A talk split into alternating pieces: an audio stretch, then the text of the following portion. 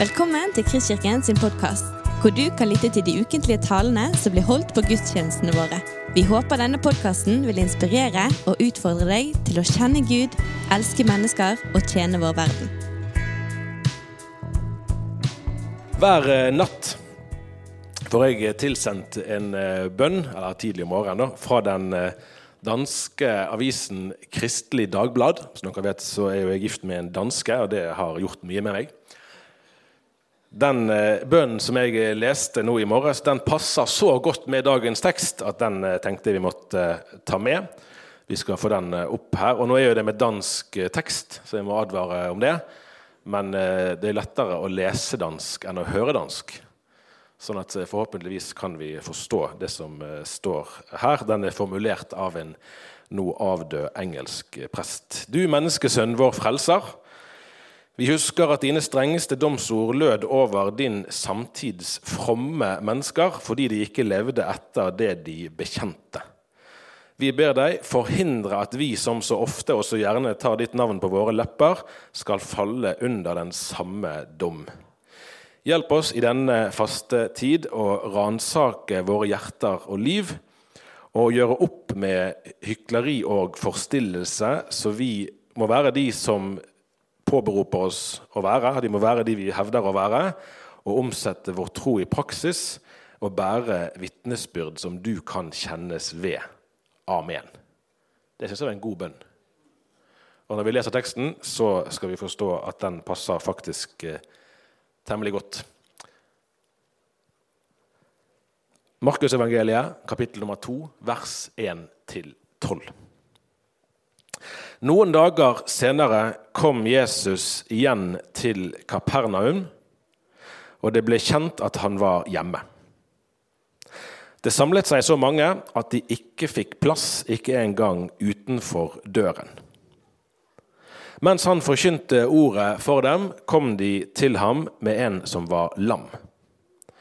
Det var fire mann som bar ham, men de kunne ikke komme fram til ham pga. trengselen. Derfor brøt de opp taket over stedet der han var, laget en åpning og firte ned båren som den lamme lå på. Da Jesus så deres tro, sa han til den lamme, Sønn, syndene dine er tilgitt. Nå satt det noen skrifter der og tenkte med seg selv, hvordan kan han si slikt? Han spotter Gud. Hvem andre kan tilgi synder enn én? Det er Gud. Straks visste Jesus i sin ånd at de tenkte slik, og han sa til dem, Hvorfor går dere med slike tanker i hjertet?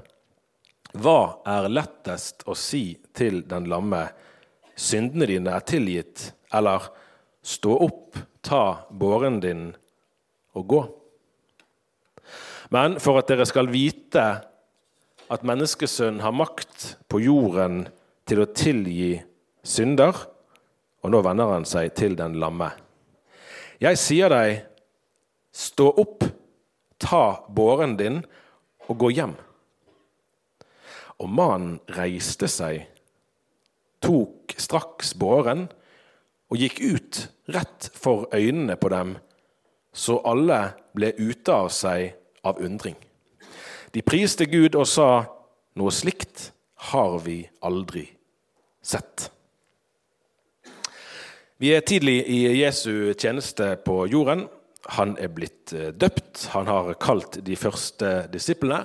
Han er i gang med å drive ut eh, onde ånder, og han har fått allerede en ja, si kjendisstatus, i hvert fall en status som gjør at og nå leser vi fra det foregående kapittelet, da det ble kveld og solen var gått ned, brakte de til ham alle som var syke eller hadde onde ånder.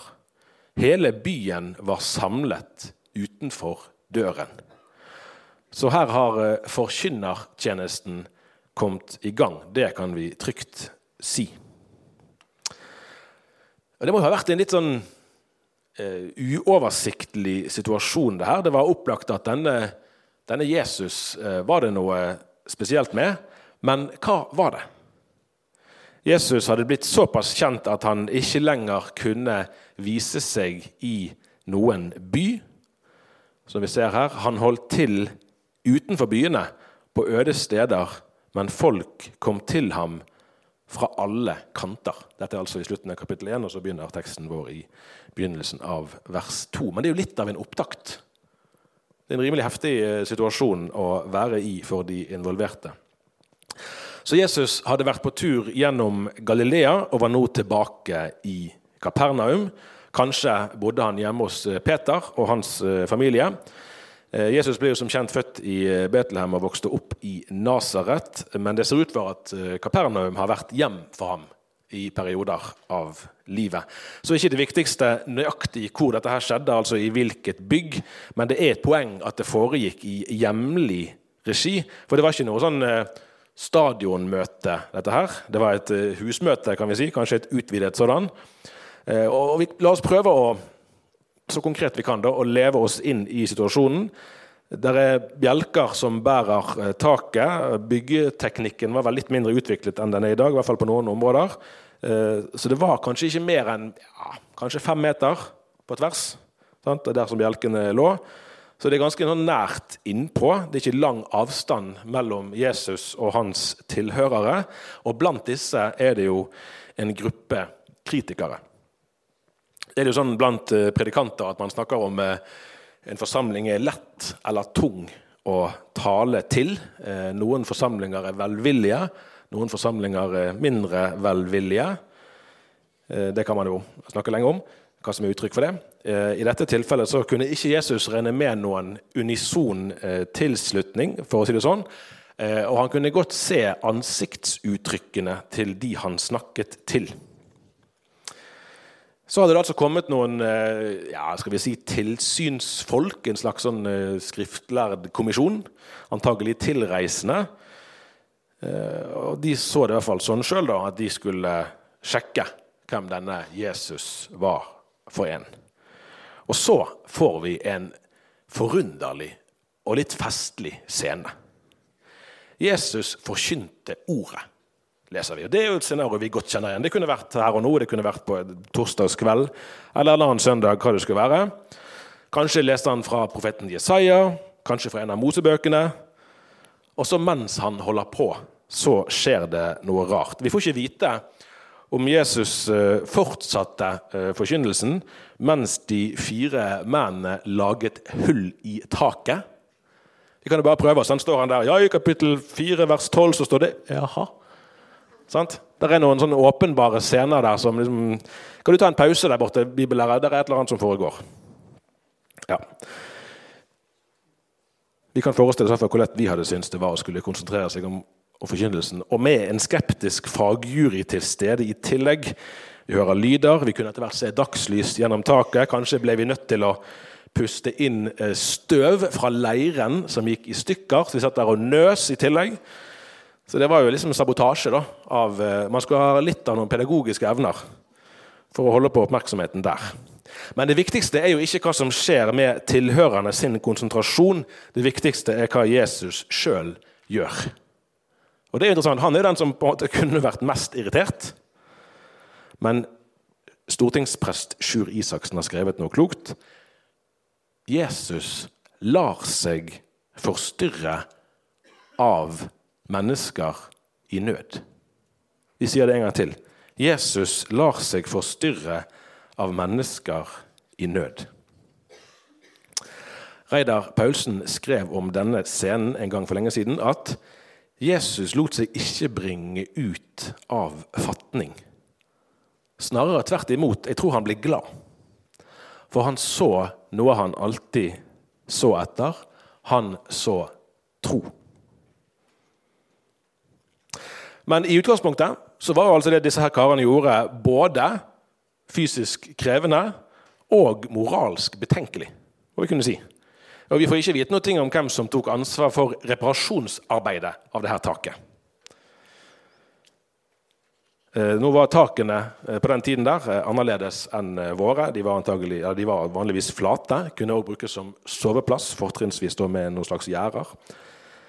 De hadde trestokker som den øvrige konstruksjonen kunne hvile på. Det var gjerne halm og siv som ble kittet, altså som ble limt sammen da, ble med, med, leire. Så det var ikke bare det å løfte av noen planker, og så kunne man legge de tilbake igjen. Det krevde arbeid å komme seg gjennom, og det krevde jo etter hvert arbeid å bygge det på nytt. Men hva var det Jesus så i all denne leiren og alt sammen? Han så tro utspille seg. Noen ganger innebærer tro å bli båret. Andre ganger innebærer det å bære. Noen ganger kan ikke jeg by på verken tilslutning eller gudstro i uttalt forstand, men bare en slags tillit til dem som bærer. Og vi vet jo faktisk heller ikke om disse fire vennene til den lamme hadde noen utførlig trosbekjennelse å by på. Det de hadde, det var bein å gå på, eh, kraft, redskap, vilje til å lage hull i et tak, og de hadde barmhjertighet. Jesus så deres tro i dette. Vi kan med fordel dvele litt mer ved disse fire. For Her kommer det altså gående med vennen sin. Hva slags diagnose han hadde, vet vi ikke. Eh, heller ikke nøyaktig hva sykdommen innebar. Han kunne åpenbart ikke gå. Det fremgår av teksten. Eh, det greske ordet som er brukt her for lam, minner om det ordet vi eh, bruker som paralysert. Men så kommer de altså til dette huset. Kanskje så hadde de ikke tenkt igjennom på forhånd hvordan de faktisk skulle komme seg inn. Eh, kanskje hadde de hørt et rykte om Jesus, men ikke innsett hvor populær han var, og dermed undervurdert hvor mange det var som kom til å være der. Antagelig har de jo først prøvd å komme seg inn i huset gjennom døren. Det tror jeg vi kan si er en rimelig nærliggende antagelse. Men der var det tydeligvis altså såpass trangt om plassen at det første forsøket ikke lyktes. Husk på at nå snakker vi om tro her. Sant? Hva skjer da? Andre hadde kanskje tenkt at eh, ja, ja, vi får komme igjen eh, en annen gang. Andre hadde kanskje gitt opp. Det var det. Men ikke disse fire. De er løsningsorienterte og handlekraftige. I en av kommentartekstene så kom jeg over et gammelt ord som vi ikke bruker eh, så mye lenger. Vi snakker av og til om å være rådville. Sant? Disse her de var rådsnare. Ok, liksom, Her er situasjonen. Vi vil gjerne ha kameraten vår inn på det møtet, men det er stengt i døren. Ja, vi går på taket. På en måte, da. Eh, min kone har, vakt på søndagsskole i dag, og der eh, skulle vi snakke om eh, Martha og Maria. På en måte så føler jeg kanskje at teksten her er litt sånn rehabilitering for Martha. Ja, det kan vi tenke litt på. Jesus så altså en stedfortredende tro. Den var ikke nødvendigvis så veldig teologisk utviklet. Den var heller ikke begrenset til en følelse. Disse menneskene var jo åpenbart i Guds nærvær, så mye nærmere kunne ikke komme. Men de nøyde seg ikke med den følelsesmessige opplevelsen. Og de var heller ikke bare pratmakere som ville ha materiale til en filosofisk samtale. Om den skulle være aldri så skriftlærd, de demonstrerte en aktiv tro, en tro i handling.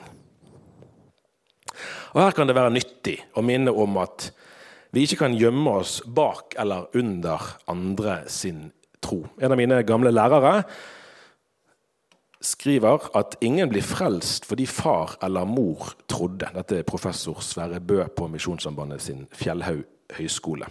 Gud har ingen barnebarn. Men, skriver Bø, andres tro kan føre noen til Jesus. Der er det dybder. Og her skjer jo det rent bokstavelig. De bærer han til Jesus, rett og slett.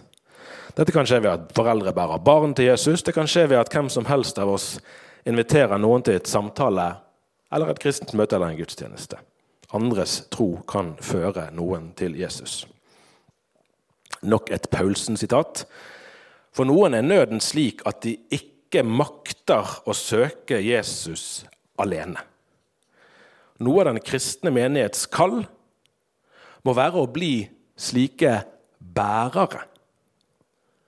Bokstavelig eller billedlig talt, kan vi si. Kanskje vi skal tro for den som ikke makter det selv, og be for den som ikke selv kan be. Et fellesskap av bærere, det er ikke det verste vi kan være. Var det egentlig syndenøden som drev den lammet til Jesus? Var det den som fikk vennene til å gå til slike uhørte skritt? som å sabotere et tak? Det vet vi ikke. Kanskje ikke det er det mest sannsynlige. Kanskje var det mer konkret, mer enkelt. Og så kan vi spørre oss sjøl hvordan ville vi ha reagert hvis noe lignende hadde skjedd blant oss? Jeg har brukt store penger på å rehabilitere mitt eget tak. Ja.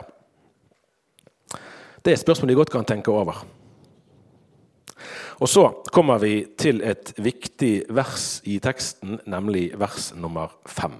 Da Jesus så deres tro, sa han til den lamme sønn Og her er det et veldig, altså Sønn er jo et intimt ord i sin natur, og her var det òg en talemåte som bar preg av eh, si, sterk vennlighet. Da. Det var forbi det som høflig 'god dag'. Det var mer enn det. Sønn, sønn syndene dine er tilgitt. Og Her vil jeg ta med et avsnitt fra den boken jeg allerede har sitert fra. Eh, fra Reidar Paulsen sin bok om Markusevangeliet fra 1989. Astrid Paulsen har bursdag i dag. så hvis noen, Hun er ikke her, men hvis noen uh, treffer henne, så kan dere gratulere med 87-årsdagen. tenk det. Uh, og Det kan være at hun husker det. kan være Karianne husker den historien som kommer nå. Dette er boken, altså. Og der står dette. og dette, dette er ikke en illustrasjon, dette er konkret selvopplevd fra forfatteren. Jeg kan aldri lese den teksten, altså dagens tekst, uten å tenke på en venn av meg. Jon var student da han begynte å gå i kirken vår. Han hadde en sykdom som langsomt brøt ham ned. Ofte var han fortvilet. Han reagerte voldsomt når enkelte vitnet om Guds hjelp i små dagligdagse bagateller. Hva slags gud er det som hjelper folk å finne en nøkkel de har mistet, men ikke helbreder en som langsomt blir krøpling. Jon var ikke redd for å anklage oss forkynnere. En dag han satt hjemme hos oss, sa han det omtrent slik. Dere forkynner 'dine synder er deg forlatt', for det kan ingen kontrollere. Men fortsettelsen 'stå opp, ta din seng og gå', det våger dere ikke å si, for da kan alle se at dere fusker. Det var en streng, streng, men kanskje fortjent evaluering av uh, forkynnere. Det er ikke umulig for noen av oss tror jeg, å leve oss inn i Jon sin virkelighetsbeskrivelse. Hvis vi prøver å tenke at de var i hans sted. Derfor er det presist og aktuelt når Reidar skriver videre at Jesus fusket ikke. Han demonstrerte at han hadde autoritet til å tilgi synder ved å reise den lamme fra sengen. En av de mest utfordrende lærdommene vi kan ta med oss fra denne teksten, den, eh, interessant nok blir den belyst av eh, Den norske kirkes tidligere ledende biskop, nå avdøde Olav Skjevesland. Og Han utfordrer oss til å reflektere over sammenhengen mellom synd og sykdom, og relasjonen mellom helbredelse og tro. Snakk om å gå inn i vepsebolet. Her er det fullt av fallgruver. Vi får prøve å navigere. Jesus advarer sjøl i Johannes 9 om, mot å tenke at enkeltpersoners sykdomstilstand kan eller bør forklares med at vedkommende sjøl eller vedkommende sine foreldre har syndet. Det er òg tematisert i Jobbs bok, så det sporet kan vi ganske effektivt eh, parkere. Så skriver eh, Skjevesland videre at man i de omgivelsene teksten ble til i, så så man en nærmere forbindelse mellom sykdom og synd enn vi har i vår eh, forestillingsverden, kan vi si. Eh, man tenkte der at lidelse er resultat av synd i generell forstand som følge av syndefallet. Det var nok mer en gjengs oppfatning. Og dypt forstått kan vi jo anerkjenne det at sykdom er en følge av syndefallet. Men altså ikke at man dermed kan slutte på individnivå at den er syk fordi den har gjort bestemte synder. Så vi skal ikke gå rundt og tenke at vi lider av det ene eller det andre fordi vi sjøl eller våre foreldre har syndet. På fredag kunne vi lese i Dagen et intervju med en som heter Lilly Merete Næss. Hun er født med sterkt nedsatt eh, syn, og snakker litt om det. Og så sier hun noe klokt, da. Skal vi se jeg tror ikke, Det står ikke her, men hun sier at jeg tror ikke at det som skal til for at jeg skal bli hel i mitt liv, er å bli helbredet. sier Hun Hun har gått til forbønn for synet flere ganger, forteller hun, og det har vært utbytterikt. Eh, og Så spør journalisten om hun har vært liksom, bekymret for uh, å bli skuffet da, hvis hun ikke blir frisk. Og Da sier hun sympatisk nok at hun er egentlig mer bekymret for forbederne sin skuffelse enn sin egen. Så derfor, derfor går hun heller til forbønn for andre ting. Men det er jo bra han går til forbønn. Leif Tore, enig? Ja.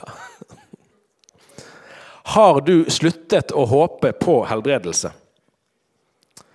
Rent teoretisk tenker jeg jo at det kan skje, men jeg må jobbe litt med mine følelser og hva jeg egentlig forventer, skriver hun.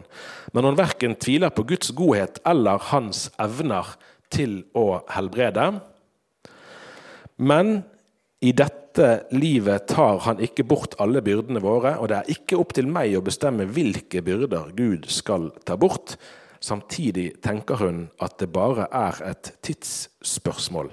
Det kan skje nå, men jeg er sikker på at det vil skje i det neste livet. Her får vi jo egentlig en hel liten preken fra hun sjøl. Eh, og Det aller viktigste perspektivet må jo være det siste, at vårt håp i Kristus har en rekkevidde som strekker seg langt utover de årene vi lever i denne verden. Men så kan vi kanskje òg legge inn et annet perspektiv, nemlig at noen andre kan be på hennes, eller våre, vegne, særlig hvis det gjelder en tilstand eller en situasjon som har vart over tid. For, og nå vender vi tilbake til eh, teksten, det var verken skaden på taket eller det at den lamme reiste seg opp, som vakte mest oppsikt den dagen vi leser om.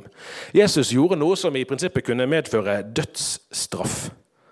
Han påberopte seg å kunne tilgi synder. Det var en fullmakt som bare Gud hadde, og det visste de skriftlærde godt. Fordi så var dette i utgangspunktet som om en vi skal å bruke eksempler som vi kan relatere til. Som en vanlig kvinne eller mann skulle gå rundt på gaten og dele ut norsk statsborgerskap til tilfeldig forbipasserende på gaten. Og strafferammen her var langt strengere enn det vi har i det norske rettsvesenet. I 3. Mosebok 24, 16 leser vi at blasfemikeren, gudsbespotteren, skulle steines av menigheten. Så hvis man da ikke tar høyde for at Jesus faktisk var Guds sønn, så er det helt rimelig å tenke at han her begikk blasfemi, en alvorlig kriminell handling. Men nettopp i lys av det blir jo både rekkefølgen på hendelsene og selve hendelsen ekstra interessant. For ingen av de tilstedeværende kunne jo sjekke om synstilgivelsen virket. Det hadde jo han der Jon, kameraten til Reidar Paulsen, rett.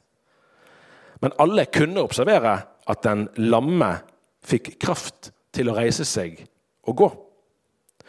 Og Dermed kunne man tenke at når Jesus hadde en slik myndighet, så hadde han kanskje òg myndighet til å tilgi synd. Og Da blir jo hovedbudskapet i teksten et uttrykk for noe som er helt sentralt i kristen tro, nemlig at syndene kan bli tilgitt i Jesu navn. Som vi sa når vi feiret nattverd i sted, med det har han sonet for alle våre synder. Det Jesus spør de skriftlærde om, det er ikke hva som er lettest å gjøre. Han spør hva er lettest å si til den lamme. Det å kunne tilgi synder er jo et større mirakel enn å kunne helbrede sykdom, men det siste er lettere observerbart. Og Dermed tjener helbredelsen som et gudsrike tegn, som et synlig bevis på Jesu makt. I tillegg til at helbredelsen åpenbart har en stor verdi i seg sjøl ved at mannen faktisk ble i stand til å gå. Også slik kommer Guds omsorg til syne. Lesetekstene for denne dagen de handler om Abraham. I første Mosebok kapittel 15 leser vi etter at Abram, som han da het, hadde fått løfte om en tallrik slekt, at Abraham trodde Herren, og det, og det at han trodde Herren, det ble regnet ham til rettferdighet. Her er vi altså lenge før Moseloven. Og så har spenningen mellom tro og gjerninger fulgt den kristne kirke gjennom hele historien på ulike måter. Og Jesu budskap om etterfølgelse, om tro og om tilgivelse, det har òg møtt motstand helt fra begynnelsen. Og I teksten vår så følger vi jo en fortelling om helbredelse og en, en stridssamtale med de skriftlærde. Samtalene går over i hverandre hånd i hånd. Og sånn er det. Og sånn har det jo vært på mange måter siden. Og selv om folk har sett eller opplevd mirakler, så blir de ikke uten videre eh, troende. Et av de rareste versene jeg vet om i Bibelen, det finner vi helt på slutten av Matteusevangeliet, like før misjonsbefalingen. Da er vi jo etter oppstandelsen og like før himmelfarten. I kapittel 28 vers 16 leser vi de elleve disiplene dro til Galilea, til fjellet der Jesus hadde sagt at han ville møte dem. Da de fikk se ham, falt de ned og tilba ham, men noen tvilte. Så selv der, der det i utgangspunktet skulle være lettere enn noen gang å tro på Jesus, så var tvilen fortsatt menneskens følgesvenn. Eller følgesfiende, kanskje. Det hjelper lite å fornekte dette, men det hjelper òg lite å gjøre tvil eller vantro til ideal. Men så kan likevel dagens tekst minne oss noe om noe som er ganske viktig. og Det er at troens styrke kan ikke uten videre måles ut fra ordbruken til den troende. I dagens tekst finner vi faktisk ikke noe verbalt uttrykk for tro fra de fire vennene. Ingen tekstutleggelse, ingen løftede hender heller, ingen ordrike bønner. Troen deres kommer til uttrykk gjennom konkrete handlinger. Den lamme uttrykker ikke sjøl tro på noe tidspunkt, men han fikk syndene sine tilgitt og kunne ta med seg båren sin og gå. Så det er presist som Paulsen skrev den gangen, at den levende tro må alltid finne uttrykk i ord og handling. Og Den nevnte Sverre Bø, som altså er sjøl professor i teologi og dermed ganske teoretisk skolert, han snakket nylig i en podkast om den teksten. her, og Da sa han noe gøy. Han sa at det er mange vaktmesteroppgaver i Jesu følge. Ja.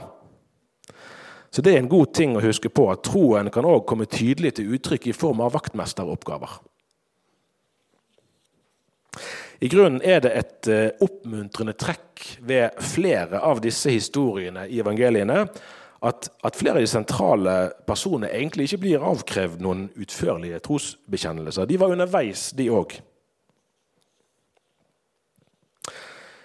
Hjemme hos oss eh, leser vi for tiden en, en, eh, ny eh, barnebibel. Den kom på norsk. Faktisk kom den på nynorsk, tenkte jeg, i fjor.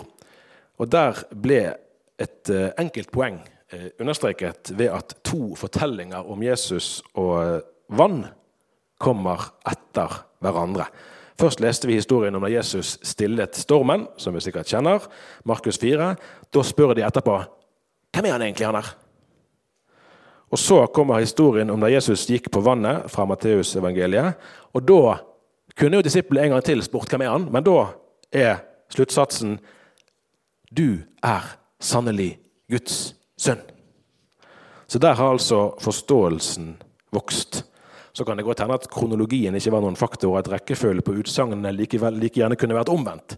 For det er ikke sånn at vår åndelige læringskurve nødvendigvis går oppover. Den kan jo absolutt gå i bølger. Sånn ser vi jo i livene våre. Men vi kan håpe og be om at troen skal bli gradvis sterkere med årene. Ikke som eh, krampaktige anstrengelser eller som tvangstanker, men som enkel tillit til en stor Gud. I den samme barnebibelen er òg dagens tekst med. Der måtte jeg streke under en setning om de skriftlærde. De kunne mye om Gud, trodde de. Det er et viktig poeng. Vi trenger ikke å betvile oppriktigheten eller nidkjærheten til de skriftlærde. Vi kan anerkjenne dedikasjonen, pliktfølelsen, kanskje til og med kaldsbevisstheten. Men de tok jo likevel grunnleggende feil.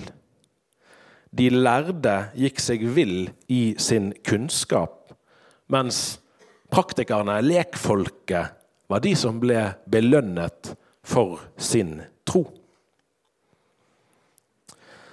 Så da mannen tok båren sin og gikk, så ble han et vitnesbyrd om at vennenes tro hadde vært avgjørende for helbredelsen. Han ble et vitnesbyrd om at Jesus kunne, og fortsatt kan, lege sykdom. Så ble han aller mest et levende vitne om at Jesus kunne det ingen mennesker kan, nemlig å tilgi synd. Noe slikt har vi aldri sett, sa de tilstedeværende. Og rent bokstavelig må vel vi si oss enig i det. Men noe av det inspirerende med å lese disse evangelietekstene, er jo at, at fortellingene kommer oss nærmere. Sånn at vi med fornyet frimodighet kan be komme ditt rike, Gud, til oss. La oss få lære av disse menneskenes tro, så syke kan bli friske, og synder kan bli tilgitt for Jesu skyld. Så da kan vi sammen en gang til be den bønnen som vi ba til å begynne med. Du menneskesønn, vår frelser. Vi husker at dine strengeste domsord lød over din samtids fromme mennesker, fordi de ikke levde etter det de bekjente. Vi ber deg forhindre at vi som så ofte og så gjerne tar ditt navn på våre lepper, skal falle under den samme dom. Hjelp oss i denne faste tid å ransake våre hjerter og liv, og å gjøre opp med hykleri og forstillelse, så vi kan være de vi foregiver å være, og omsette vår tro i praksis og bære vitnesbyrd som du kan kjennes ved. Amen. Ære være Faderen og Sønnen og Den hellige ånd, som var, er og blir en sann Gud fra evighet og til evighet. Amen. Du har lyttet til en podkast fra Kristkirken i Bergen. Vi håper du har blitt inspirert og utfordret i din vandring med Gud. Vil du vite mer om oss, så klikk deg inn på kristkirken.no.